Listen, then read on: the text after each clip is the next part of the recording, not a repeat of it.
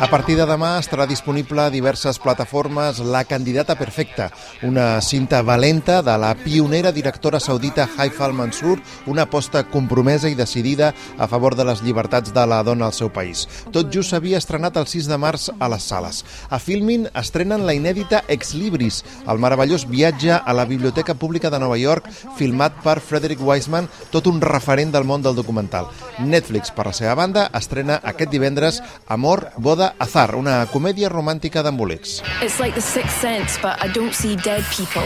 I see naked ones. Pel que fa a les sèries, Filmin estrena l'atrevida Pure, sobre els trastorns mentals i el sexe. Movistar Plus ofereix La línia invisible, el relat de per què ETA va començar a matar a finals dels anys 60, dirigida per Mariano Barroso i protagonitzada per Àlex Monet i Antonio de la Torre. I a Movistar Sèries ha arribat ja la quarta temporada de The Good Fight, l'spin-off de The Good Wife, políticament compromesa contra Donald Trump. Obsessive compulsive disorder. What?